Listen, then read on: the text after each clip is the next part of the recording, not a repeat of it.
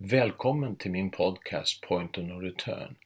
Idag ska vi höra slutet av intervjun med den svenska toppdiplomaten Rolf Ekéus som utsågs av FNs säkerhetsråd att leda FNs vapeninspektionsprogram ANSCAM med uppdrag att nedrusta Irak efter dess invasion av grannlandet Kuwait. Ekéus ledde arbetet mellan åren 1991 och 1997 då han blev Sveriges ambassadör i USA. Uppdraget som chef för ANSCOM övertogs sen av den australiensiske diplomaten Richard Butler. När jag lämnade då var ju allting i stort sett klart. Och det är klart, nu vet vi att det är klart. Men sen gjordes ju, Dölfer, min deputy, gjorde den stora undersökningen efteråt och sa att allt var borta va? då, när jag lämnade. Så att för mig, jag hade ju lyckats och jag borde ju kanske varit ännu tydligare men när jag avgick så var jag väldigt nöjd. Då tyckte väl de att jag var självbelåten. Va? Men det var det inte. Känner du någon skuld? Men Butler hade en känsla att jag måste fortsätta och då fortsatte ju den här typen av inträngande inspektioner som i och för sig jag hade hittat på. Den här, inte de här två första som var korrekta. Uh, utan de fortsatte och gick då efter och fick kris efter kris som ju då möjliggjorde amerikanerna kunde bomba då ner. Sen kom det, det stora sammanbrottet kom ju i, jag nämnde ju 97 och han efterträdde mig då första juli 97. Men det här handlade fram till december. Det var ju en del krig. Först var de ju jätteglada att slippa mig. Va? Men sen så längtade de ju tillbaka till mig. 98, då i december, då, då gjorde, gjorde man, då hade amerikanerna och uh, gjort klart att vi skulle, man skulle göra en ordentlig redovisning. Och det gjorde då, jag tror det var sjusidigt papper. Där man gick igenom punkt för punkt. Då hade ju biologiskt klarats av, kemiska var klarat, alla missilerna var klara. Minus två, det var 917 hade levererats och vi hade hittat 915. Men det tyckte vi var noll. Och den nukleära var under full kontroll. Så att det var ju... Och sen var det då en slutsats som draftades av min rättschef och eh, den polisrådgivaren, argentinare, John Scott. Och, de och det, där stod det då att nu har Irak alltså, nu är det klart att i allt väsentligt så är det, är det klart. Och det var ju ett moment då för att lyfta sanktionerna. Men kvällen in, då tog eh, amerikanerna kontakt med Butler jag vet inte om de hade eh, fått se den där texten, hade läckt till dem på något sätt. Den han skulle lägga i säkerhetsrådet. På. I december 1998 läser Richard Butler upp en rapport i FN där han hävdar att irakiska regimen inte har samarbetat till fullo med vapeninspektörerna. Rapporten möts av kritik och misstro av vissa medlemsstater. Den ryske FN-ambassadören Sergej Lavrov uppbackad av Kina och några av Kofi Annans egna rådgivare, de hävdar att Butler formulerat den på ett sätt så att den skulle ge Washington och London en förevändning att anfalla Irak. Butler dementerar det hela och säger att han baserat sin rapport på vad vapeninspektörerna i sin tur rapporterat till honom. Dagen efter inleddes ett flyganfall mot Irak som kom att kallas Desert Fox. Detta blir slutet för Anskan. Irakiska regimen vägrar att samarbeta efter detta och sparkar ut observatörerna ur landet. Och det fick till följd att det inte gjordes några inspektioner förrän i november 2002 och då under ledning av Hans Blix. De fick texten på kvällen, skott, Och, eller på morgonen fick de. Och då hade sista sidan hade då Berger träffat Butler och skrivit om texten. Mm. Och där stod det då att de inte hade Irak hade inte kommit in utan tvärtom fortsatte de sin politik att blockera. Och då blev de ju så förbannade. Så Scott och eh, Slavinen som hade uppdraget, de vägrade att lämna över det här till säkerhetsrådet. Så Butler fick själv ta pappret och lämna det.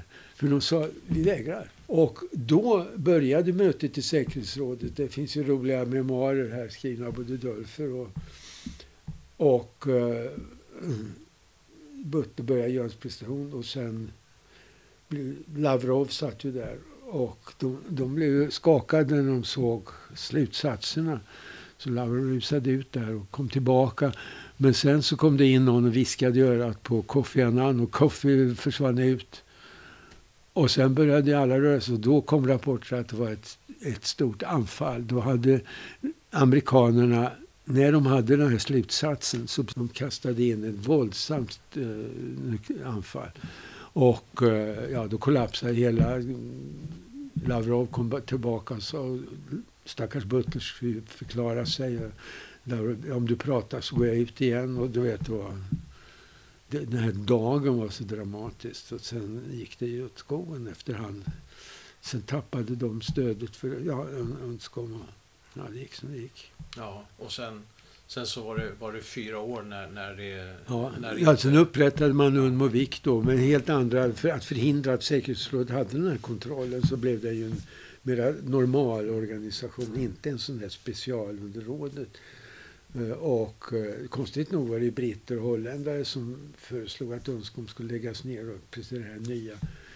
Både Ryssland och Ryssland och Frankrike avstod på den. De ville inte ha någon... Hade, de tyckte att det hade kollapsat helt. De var så förbannade. Men, så det var ingen storhetstid. Och sen så kom de här briefingarna.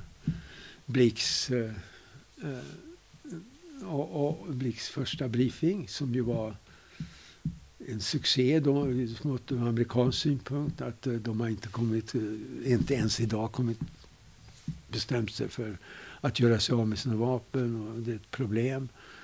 Och sen kom då Colin Powells briefing. Och så kom Blix tillbaka med sin andra briefing och sa men det finns ingenting. Och det var ju fullständigt chock för stackars Bush junior. Som eh, hela, det hela kollapsade. Då var de oerhört förbannade på Hans. Mohammed Baradei var ju, de var på samma linje där förstås. Så, vad, vad, hur då menar du? Att, att, ja, de, de är helt klar, allt var klart. Mm.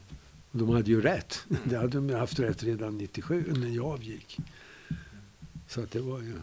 Alltså, så återigen, alltså det, Men det var ju viktigt att han hade modet Hans, för det var ju ett fruktansvärt amerikanskt tryck på att uh, inte skulle säga... Hans första briefing var ju jättefestig. På en tack. Och, välkommen till Vita huset och så, men eh, kom den andra briefingen.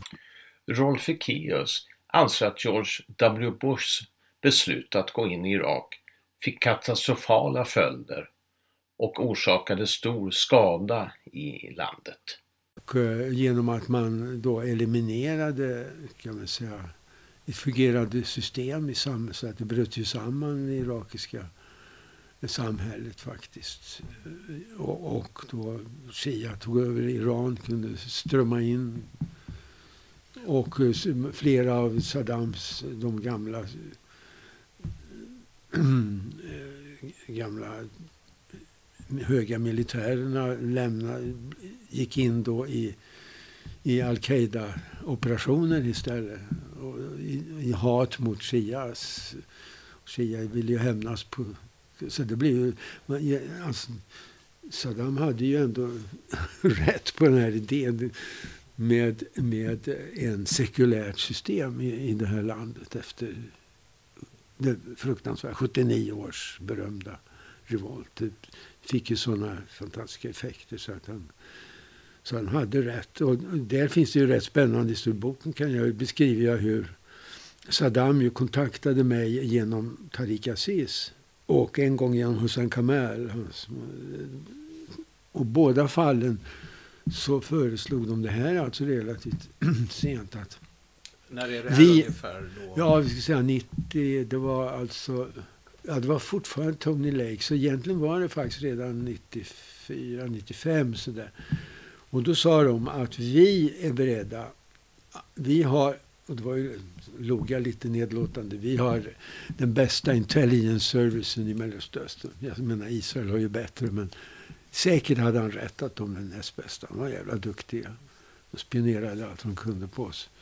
Men vi är beredda att dela intelligence med er när det gäller då talibanrelaterade och i synnerhet då al-Qaida-rörelsen. Vi är beredda att dela intelligence med er. Om ni, inte att lyfta hela sanktionerna då, utan om ni lättar på dem. Och jag gick då till, direkt till Vita huset när jag kom tillbaka från, upp till Tony Lake som ju sitt, satt bredvid presidenten där och la fram det. Men han sa det, Tony Lake, direkt att det är inte politiskt möjligt. Vi kan inte göra en deal. Jag har blivit förhörd av rätt många som sa, talade han inte om det för Clinton? Och jag tror inte, för han svarade direkt när jag sa det här är vad vi föreslår på Iraks vägnar. Att det här är någonting som ni kan få information. Och, jag, jag, och sen Hussein Kamer, innan han flydde, gjorde, förde fram ett liknande budskap till mig. Eh, och som jag upprepade och då visste jag ju att de skulle vara negativa amerikanerna men jag framförde det i alla fall. Och då blev det alltså eh, Nej, men nu i efterhand tänker jag hela tiden att det hade kunnat kanske förhindra utvecklingen av Isis. Al-Qaida. För Saddam visste så mycket och, det kunde, och, och då kanske man inte haft 9-11. För det var ju ändå Al-Qaida som genomförde 9-11. Och han var beredd att spräcka dem med, med att ge datainformation, namn och annat till amerikanerna. Och han, han visste det och han hade ju, som jag sa, väldigt... Han, de hade ju rätt att de hade en jävligt bra underrättelsetjänst. Mm, mm. Trimmade. Så att det där kan vara ett historiskt misstag. Men jag har svårt att klandra Tony Lake som jag beundrar av faktiskt. Men Förlåt, vad sa du? Jag har svårt att klandra Tony Lake som jag ändå beundrar som var National Security Advisor. Klart, eh, hade ju en bredare understanding än Sandy Burger som är charmig och men han var mer ekonomiskt taktisk än politisk. Eh, hans företrädare var alltså en security intellektuell, underbar person. Ja, han blev ju chef för Unicef.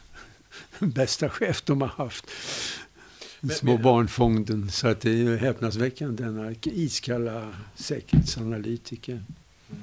Men han, han nominerades ju av Clinton till chef som CIA. Och de idioterna i kongressen, de blockerade honom. Mm. Hade, CIA hade blivit en annan organisation om de fått honom. Jag, jag, jag tänkte om vi går tillbaka. Du, du, du nämnde ju här nu då, eh, vad heter han? Hussein Kamal. Ja, precis. Ja, Hussein Kamal. Hur kunde du träffa honom? Inte? Utan då var han försvarsminister faktiskt. Och då, satt jag, då hade jag ett jättetrevligt möte. Hans var med också, kanske. Jo, det var han. Hans Blix var med. Det var efter en, någon skandal. Det var efter den här bråken. Så var säkerhetsrådet jag skulle komma och åka så high level som de sa. Mission. Jag utnämndes till high level. Jag kunde gått i min egen expedition som chef. Och, och jag ledde den lilla delegationen som bestod av Blix och, och en japanska eh, nedrustnings generalsekreterare, biträdande generalsekreterare. Så vi tre var där med en stor stab av folk med oss. Men då hade vi ett möte med Tariq Aziz. Och eh, rätt god stämning. Ja, nej, Hans var kanske ute och fick leta, men eh, rätt god stämning. Och då öppnar dörren och instiger då denna unga mm, eleganta pojke i full militär uniform med stora kängor och en pistol som hänger vid sidan. Och då kastade han sig då i soffan som ett så här bortskämt barn. Han var ja, gift med Saddam Husseins dotter. Han var försvarsminister, men var chef för vapenproduktionen. Hela vapenproduktionen i kemiskt. Allting var han chef för. Så att han ung var han som bara den. Så han kastade sig i soffan där och eh, skrattade lite åt Tariq Aziz eh, lite mogna farbrorliga framställningar. Och, man såg han blev röd och det ryckte i kinden på Tariq Aziz. Han blev så nervös alltså. Så att, eh, men tog han över ordet också, den unga pojkvasken och la ut texterna. Nu kommer jag, jag har det ju detaljerat skrivet ner. Var, Så att, men, men det var ju diskussioner om olika aspekter i anledning av den här krisen vi hade haft och så vidare. Men eh, så att då träffade jag honom ordentligt och då var, då, han var rätt imponerande tycker jag. Det var en ung talang sådär. Och, och sen fick han ju sparken från försvarsministerposten. Var ställt, kalkerställt i ett halvår. Men sen kom han tillbaka igen som chef för hela produktionen. Det var det han var briljant på. Var. Så, det, det, så lärde jag känna honom. Men sen träffade jag honom inte något mer. Och, utan han var, det var hans deputy hela tiden. Ja, Amir Rashid, generalen, som också var väldigt, väldigt smart. Men det är klart, helt underställde Saddams måg. Så att sen hände det där att han flydde plötsligt. Det var ju någon skjutning i familjen. Va? En av sönerna sköt en farbror där. Och, eh, men då hade han varit över redan i Jordanien. Hans, det var lite rykten om att han, men jag, han skulle ha varit, haft någon ont i huvudet, någon hjärnsmärtor eller något. Och det är möjligt. Så, så då försvann han, flydde han ju det, plötsligt bara en dag efter det varit en sån här skjutning för övrigt. Med hustru och med barn, så Saddams barnbarn. Och hans bror åkte med honom, som också är gift med den andra systern. Så att det var, och, och då åkte de ju till Jordanien. Och, de, och jag klart blev oj, måste jag ju träffa honom. Och då blev det ju full fart på Irak. Alltså, Tariq Aziz ringde mig i New York och sa, du får inte träffa honom, du måste träffa mig först. Och träffa oss, äh, Rashid och mig först. Rashid hade ju varit deputy hela tiden sen oljeminister som han blev. En väldigt smart och duktig kille. Så du, ja, snäll som jag var så åkte jag då först till Nairobi, till, Nairobi utan till Bagdad. Och då, hade vi, då gick vi igenom i detalj vad som hade hänt och de berättade och gav sin version av det hela. Och det var då de lämnade över då, eh, vad heter det nu, jag hade med mig Ciferero från IAEA och de fick väldigt mycket bra material. Jag blev oerhört förbannad för vi fick inget material. Eh, bara min kärnvapengrupp men inte missilerna. Så då bråkade jag med dem. Och då när jag åkte på flyg, det var ju eget flygplan då som jag hade mina egna flygplan.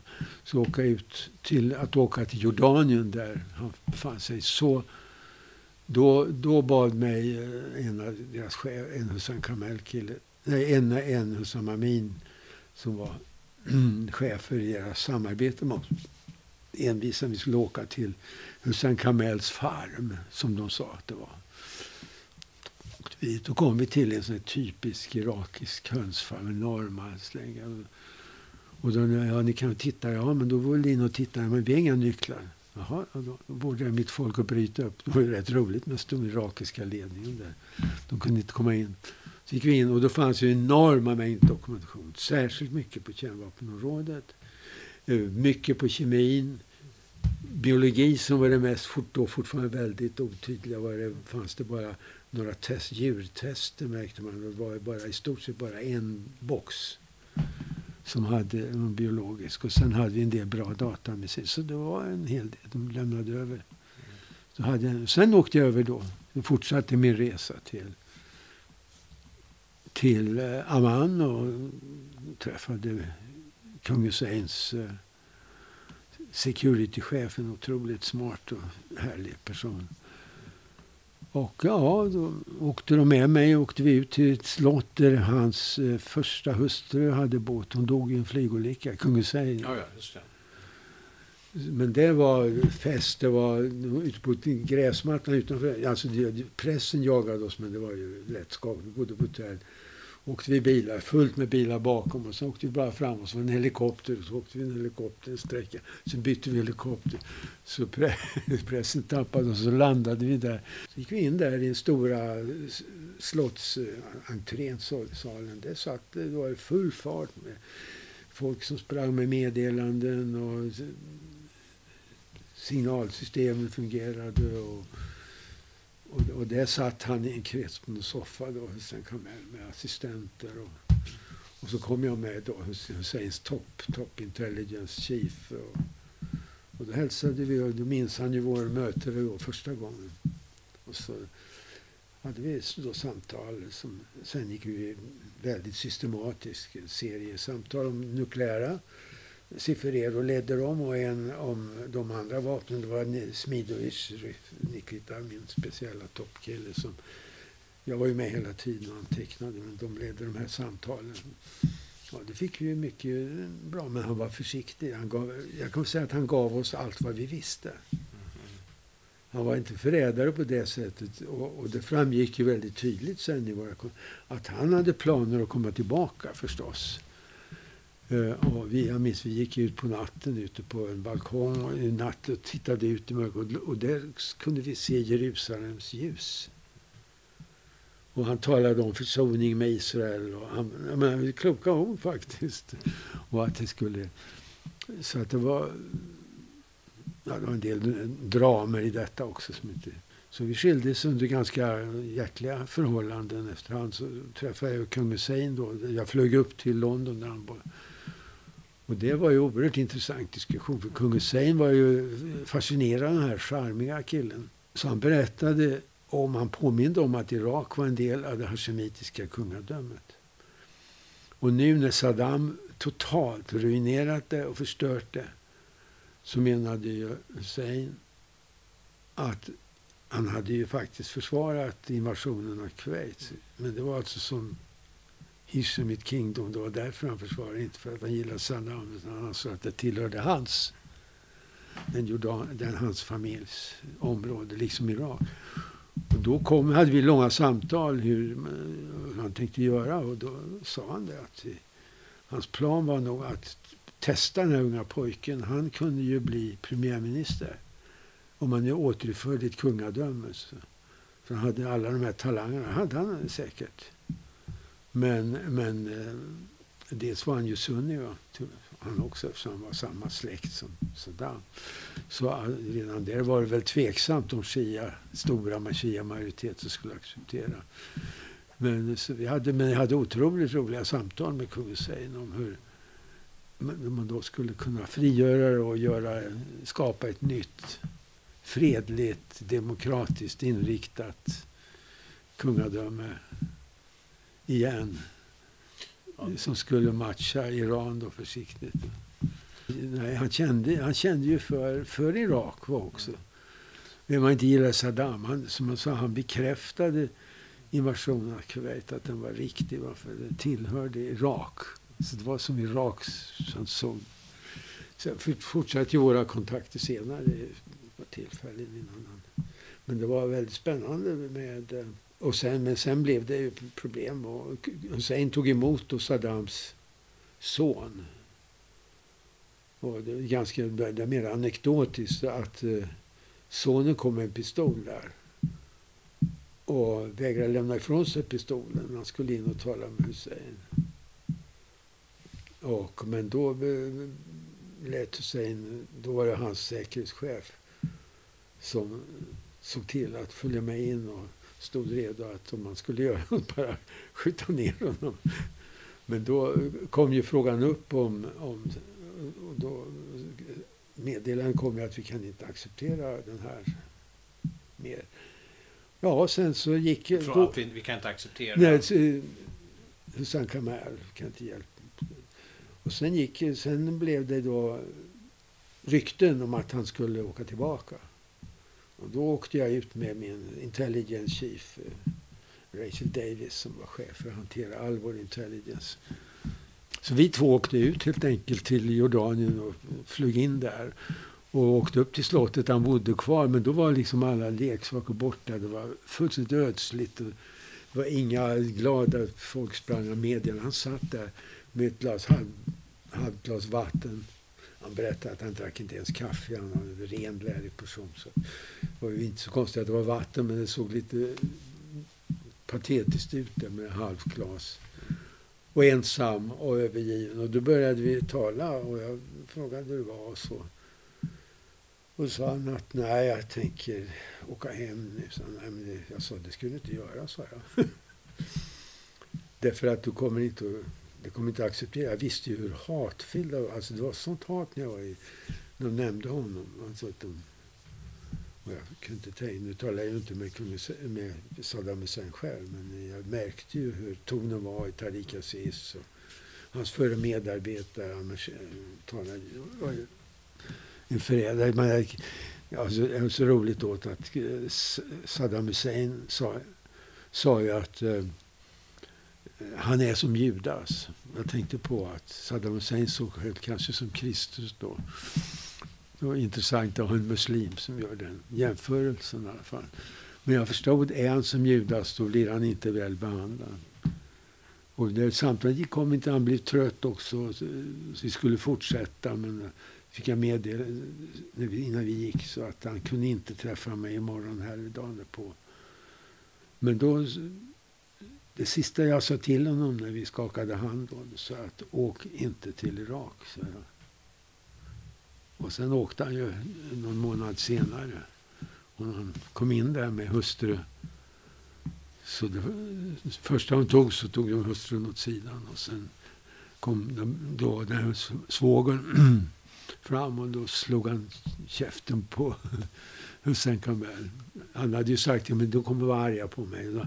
Jag kommer att få bli isolerad ett tag. Några månader. Det var han nu efter en försvarsminister. Han var isolerad ett tag. Så att jag kommer isolera dem, men sen behöver de mig. Och han hade ju redan, han var ju så jävla duktig egentligen. Han var en lysande ledare, eh, för, företagsledare. Men eh, det gjorde det inte. Utan sen var det, ju, eh, det var inte regeringen då som reagerade. Det var ingen domstol eller något sånt. Utan, men det var ju en sån här familjegrej. Och det leddes ju av den här Kim Så det var, inte, det var inte Saddam som ledde det. Men där bestämde man att man inte kunde acceptera honom. Och så. Dagen därpå så åkte man till bostaden. Så han var väl bara någon vecka i landet. Men de hade ju tagit hustrun och barnen. Och så gick de dit och familjen och så med då bröderna. Och sen så sköt de ihjäl hans pappa och hans bror. Och sen så sköt de ihjäl några barn och några kvinnor också. Och han var den sista. Han var ute och sköt tillbaka men sköt de ihjäl honom. Och sen dröjde det då ett par år medan hans mamma överlevde. Ju. Sen kan man, men hon var outtröttlig och kritiserade Saddam. Och sa att jag måste se mina barnbarn. De kan inte hålla mina barnbarn borta. Och sen, ja, då tog det två år. Sen skar de henne i bitar. Knivskar henne till döds. Då stod, Saddam stod inte ut med att ha det där gnället. Du har ju varit du har verkligen varit inblandad i, i det som har hänt i Irak under, mm. under en väldigt lång tid. Inte bara då under, under 90-talet utan även under, under 20, 20, 2000-talet. Ja, jag var ju med och följde upp det in i det sista ja. faktiskt. Med, eh, det var en väldigt säregen... Ja, dels var det då kriserna när tyvärr då bråken med Butler och det där. Var, hjälpa Kofi att få fred på det. Men och sen blev det ju den här perioden där Bush junior byggde upp för, för kriget helt enkelt. Och, och eh, då, då blev det ju en konflikt i säkerhetsrådet. Där då ryssar och fransmän allt hårdare motsatte sig. Och det var ingen större entusiasm bland de andra heller. Utan det var ju några som ställde upp. Så det, det blev ju klart att han inte hade, efter de här briefingarna, att han hade underlag Bush för... Ja, det blev klart att de inte kunde få en resolution. Och då skulle ju ett krig strida mot FN-stadgan, man inte hade den välsignelsen. Så att då eh, hamnade vi i ett läge väldigt speciellt att eh, en tjej som heter Jessica Matthews chef för Carnegie-domen, en fantastisk kvinna. Hon eh, hade möten om Irakstationen. Jag var, jag, jag var över då hos dem. Jag pendlade lite. Jag var ju, I egenskap av, eh, vad var du då? Ja, det var nog, det var då var jag högkommissarie för nationella minoriteter för inte bara Europa utan också USA faktiskt. OSSE, alltså OSSE, det är USA. Så jag var ju över och hade ju en hel del andra grejer. Andra grejer. Och då hade, vi, hade hon ett möte på Carnegie Endowment där hon la fram en ganska våldsam idé tillsammans med sin då fästman, senare man. En, en general, avsatt, en pensionerad general. Och den gick ut på helt enkelt att man istället för invasion skulle man då få genomföra väldigt aggressiva inspektioner. Lite grann av de lite olyckliga. Alltså, intrusive inspection var ordet. men det skulle bli ett alternativ. För man använde ju Bush-gänget använde ju argumentationen att vapnen fanns kvar. Det var ju också Tony Blairs argument. Och som Colin Powell som vi hörde. Så det var det motiv de använde för att rättfärdiga kriget. Att de brutit mot säkerhetsrådets resolution om avskaffande av vapen. Så då var hennes förslag. Och jag hoppade på det. Och eh, vi tre då började drev igenom och eh, de skrev någon stor artikel i New York Times eller Washington Post, de två. Och eh, Chuck Boyd, generalen Boyd, var för. Duktig. Två eller trestjärnig general. Alltså en, hennes eh, fästman då? Hennes fästman då, sedermera man. Så, så, och sen och då, blev, men då hade jag varit med och arbetat ut detaljerna. Och då blev, då blev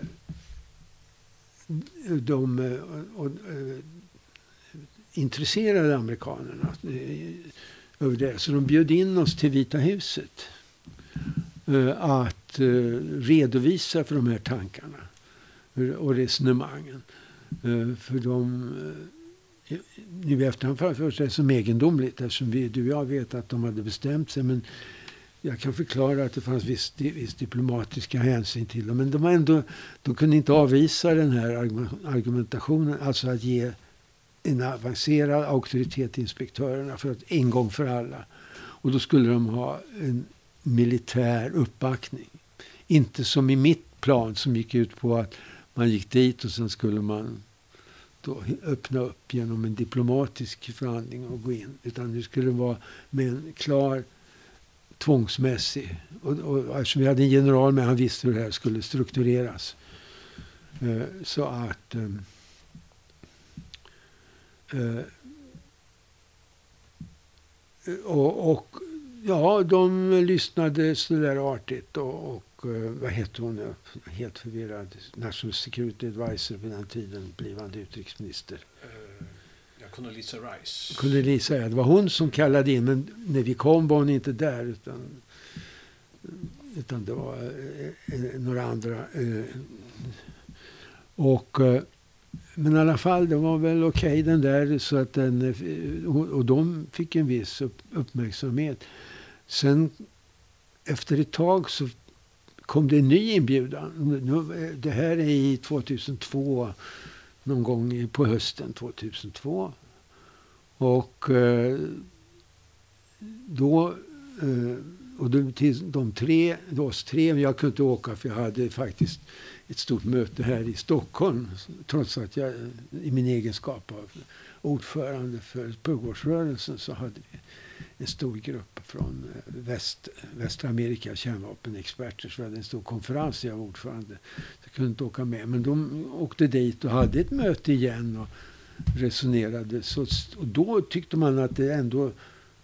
Det lät ju helt osannolikt att de skulle gå med på någonting. Men ändå tände Kofi Annan på det där. Och så då åkte jag över också. Så hade vi möten med Kofi Annan. Och då hade vi en serie möten. Jag var tvungen att ha mig med eftersom jag hade sån status i den diplomatiska kåren. Så jag hade, hade möte med franska ambassadören med ryssarna, med eh, brittiska ambassadören som ju var, mm, mm det där låter helt tokigt, vi har andra planer och så vidare. Så han var ju inte så intresserad. Greenstock hette han. Så att den, mötet gick ju kanske sådär. Men, men Coffee var desperat, precis som jag kan man säga, att, så, att inte få ett krig som strider mot stadgan.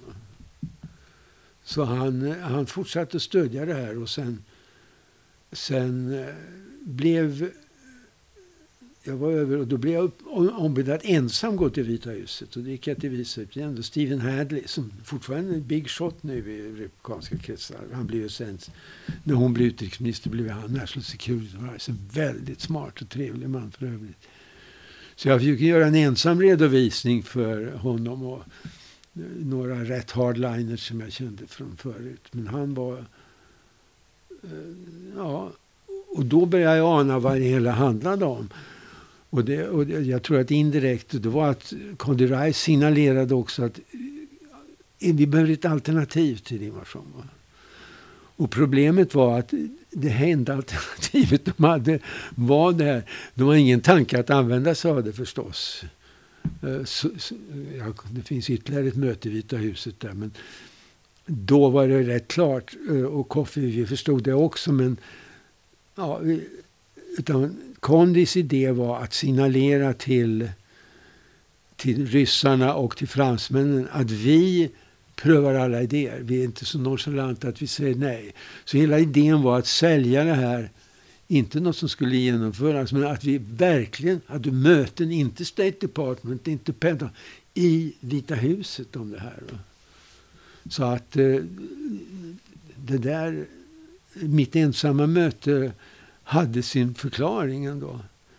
Och sen dröjde det då till, jag kommer inte ihåg, alldeles före kriget, den sista. Och då blev vi bjudna, men då fick inte Jessica komma för hon hade skrivit så arga artiklar mot kriget. Så de kunde inte släppa in henne i Vita huset. Men jag och generalen var där och vi har skrivit och han skrev att han, det var inte länge och de trodde inte på oss alls. Det är klart jag förstod det också. Men för mig var det ett längre möte än vad hans upplevelse. Att tala om den politiska dimensionen och se att det här men det är klart, då var ju trupperna stationerade redan. Visserligen var det inte så många som jag sa, för det var det Ramsfeldts idé att man bara skulle ha 200 000 man, inte 500 000 som Colin Powell, overwhelming force. Det eh, föraktade Ram. Jag träffade honom rätt ofta då. Föraktade han, för tyckte det var... Eh, så, så, att det, så det var, de, tyskarna älskade den här. De var superförtjusta. Det var ju de som var mest förtjusta. Så Der Spiegel skrev till Der Ikeos plan. Hette det. det var ju inte rätt, det var Matthews plan. Men, så, så det hade, eh, tyskarna var desperata, de ville inte ha en konfrontation. Så de gav sitt maximala. Och så, så, så det var, jag skulle förtydliga alltså.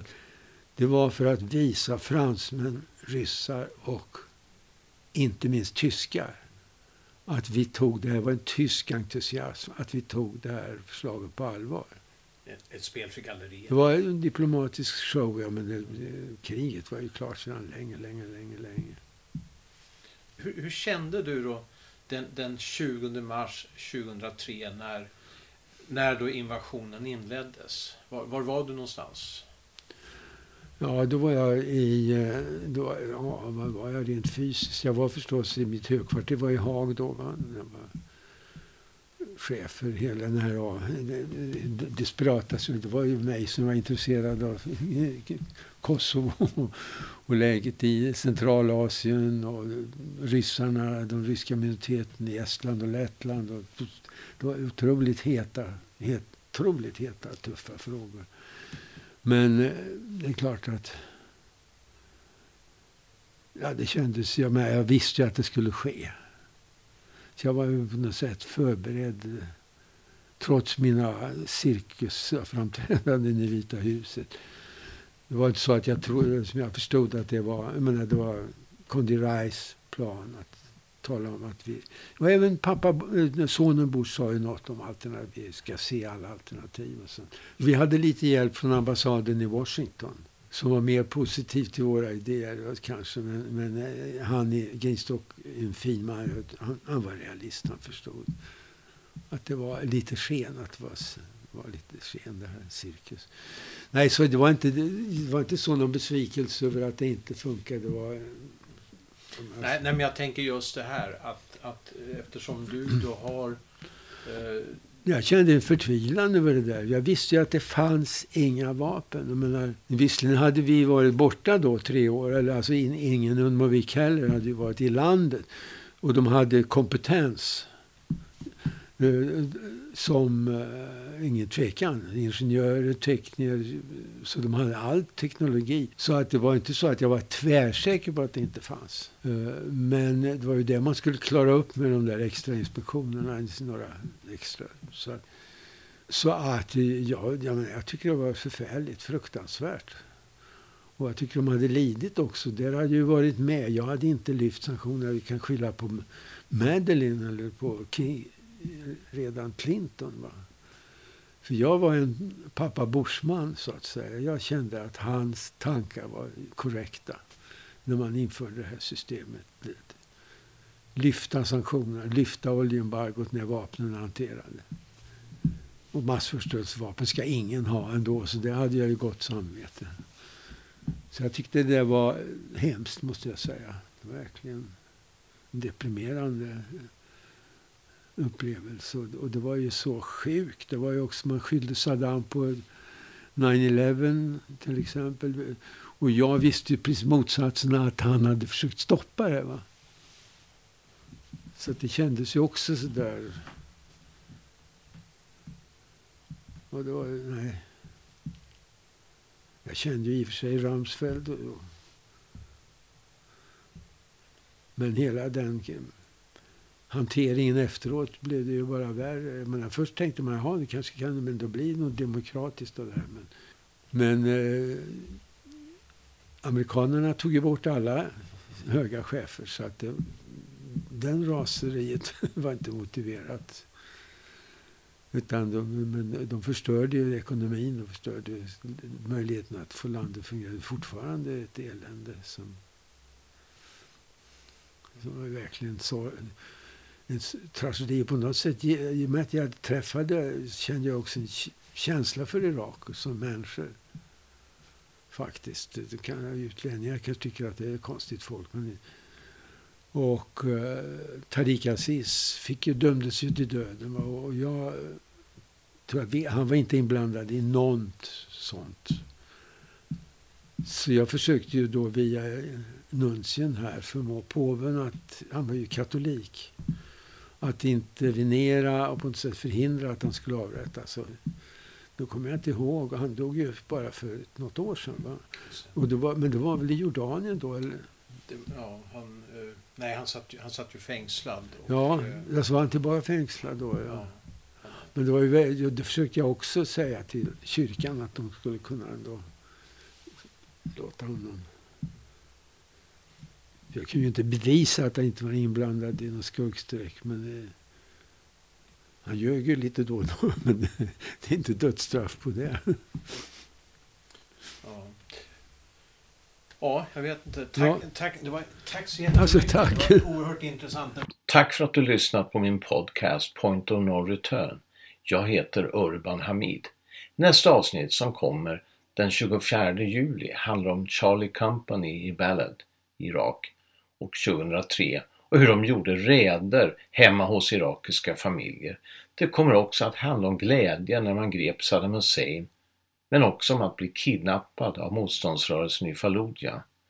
Och du glöm inte bort att gå in på iTunes och prenumerera på min podcast Point of No Return. Tack för att du lyssnat på min podcast Point of No Return. Jag finns nu också på iTunes. Nästa avsnitt som kommer den 24 juli handlar om Charlie Company i Barad, Irak och hur de 2003 gjorde räder hemma hos irakiska familjer och satte skräck i vanliga irakier. Det kommer också handla om glädjen som irakierna kände när man grep Saddam Hussein, men också om hur det var att bli kidnappad av motståndsrörelsen i Fallujah. Och glöm inte bort att gå in på iTunes och prenumerera på min podcast Point of No Return. Jag heter Urban Hamid.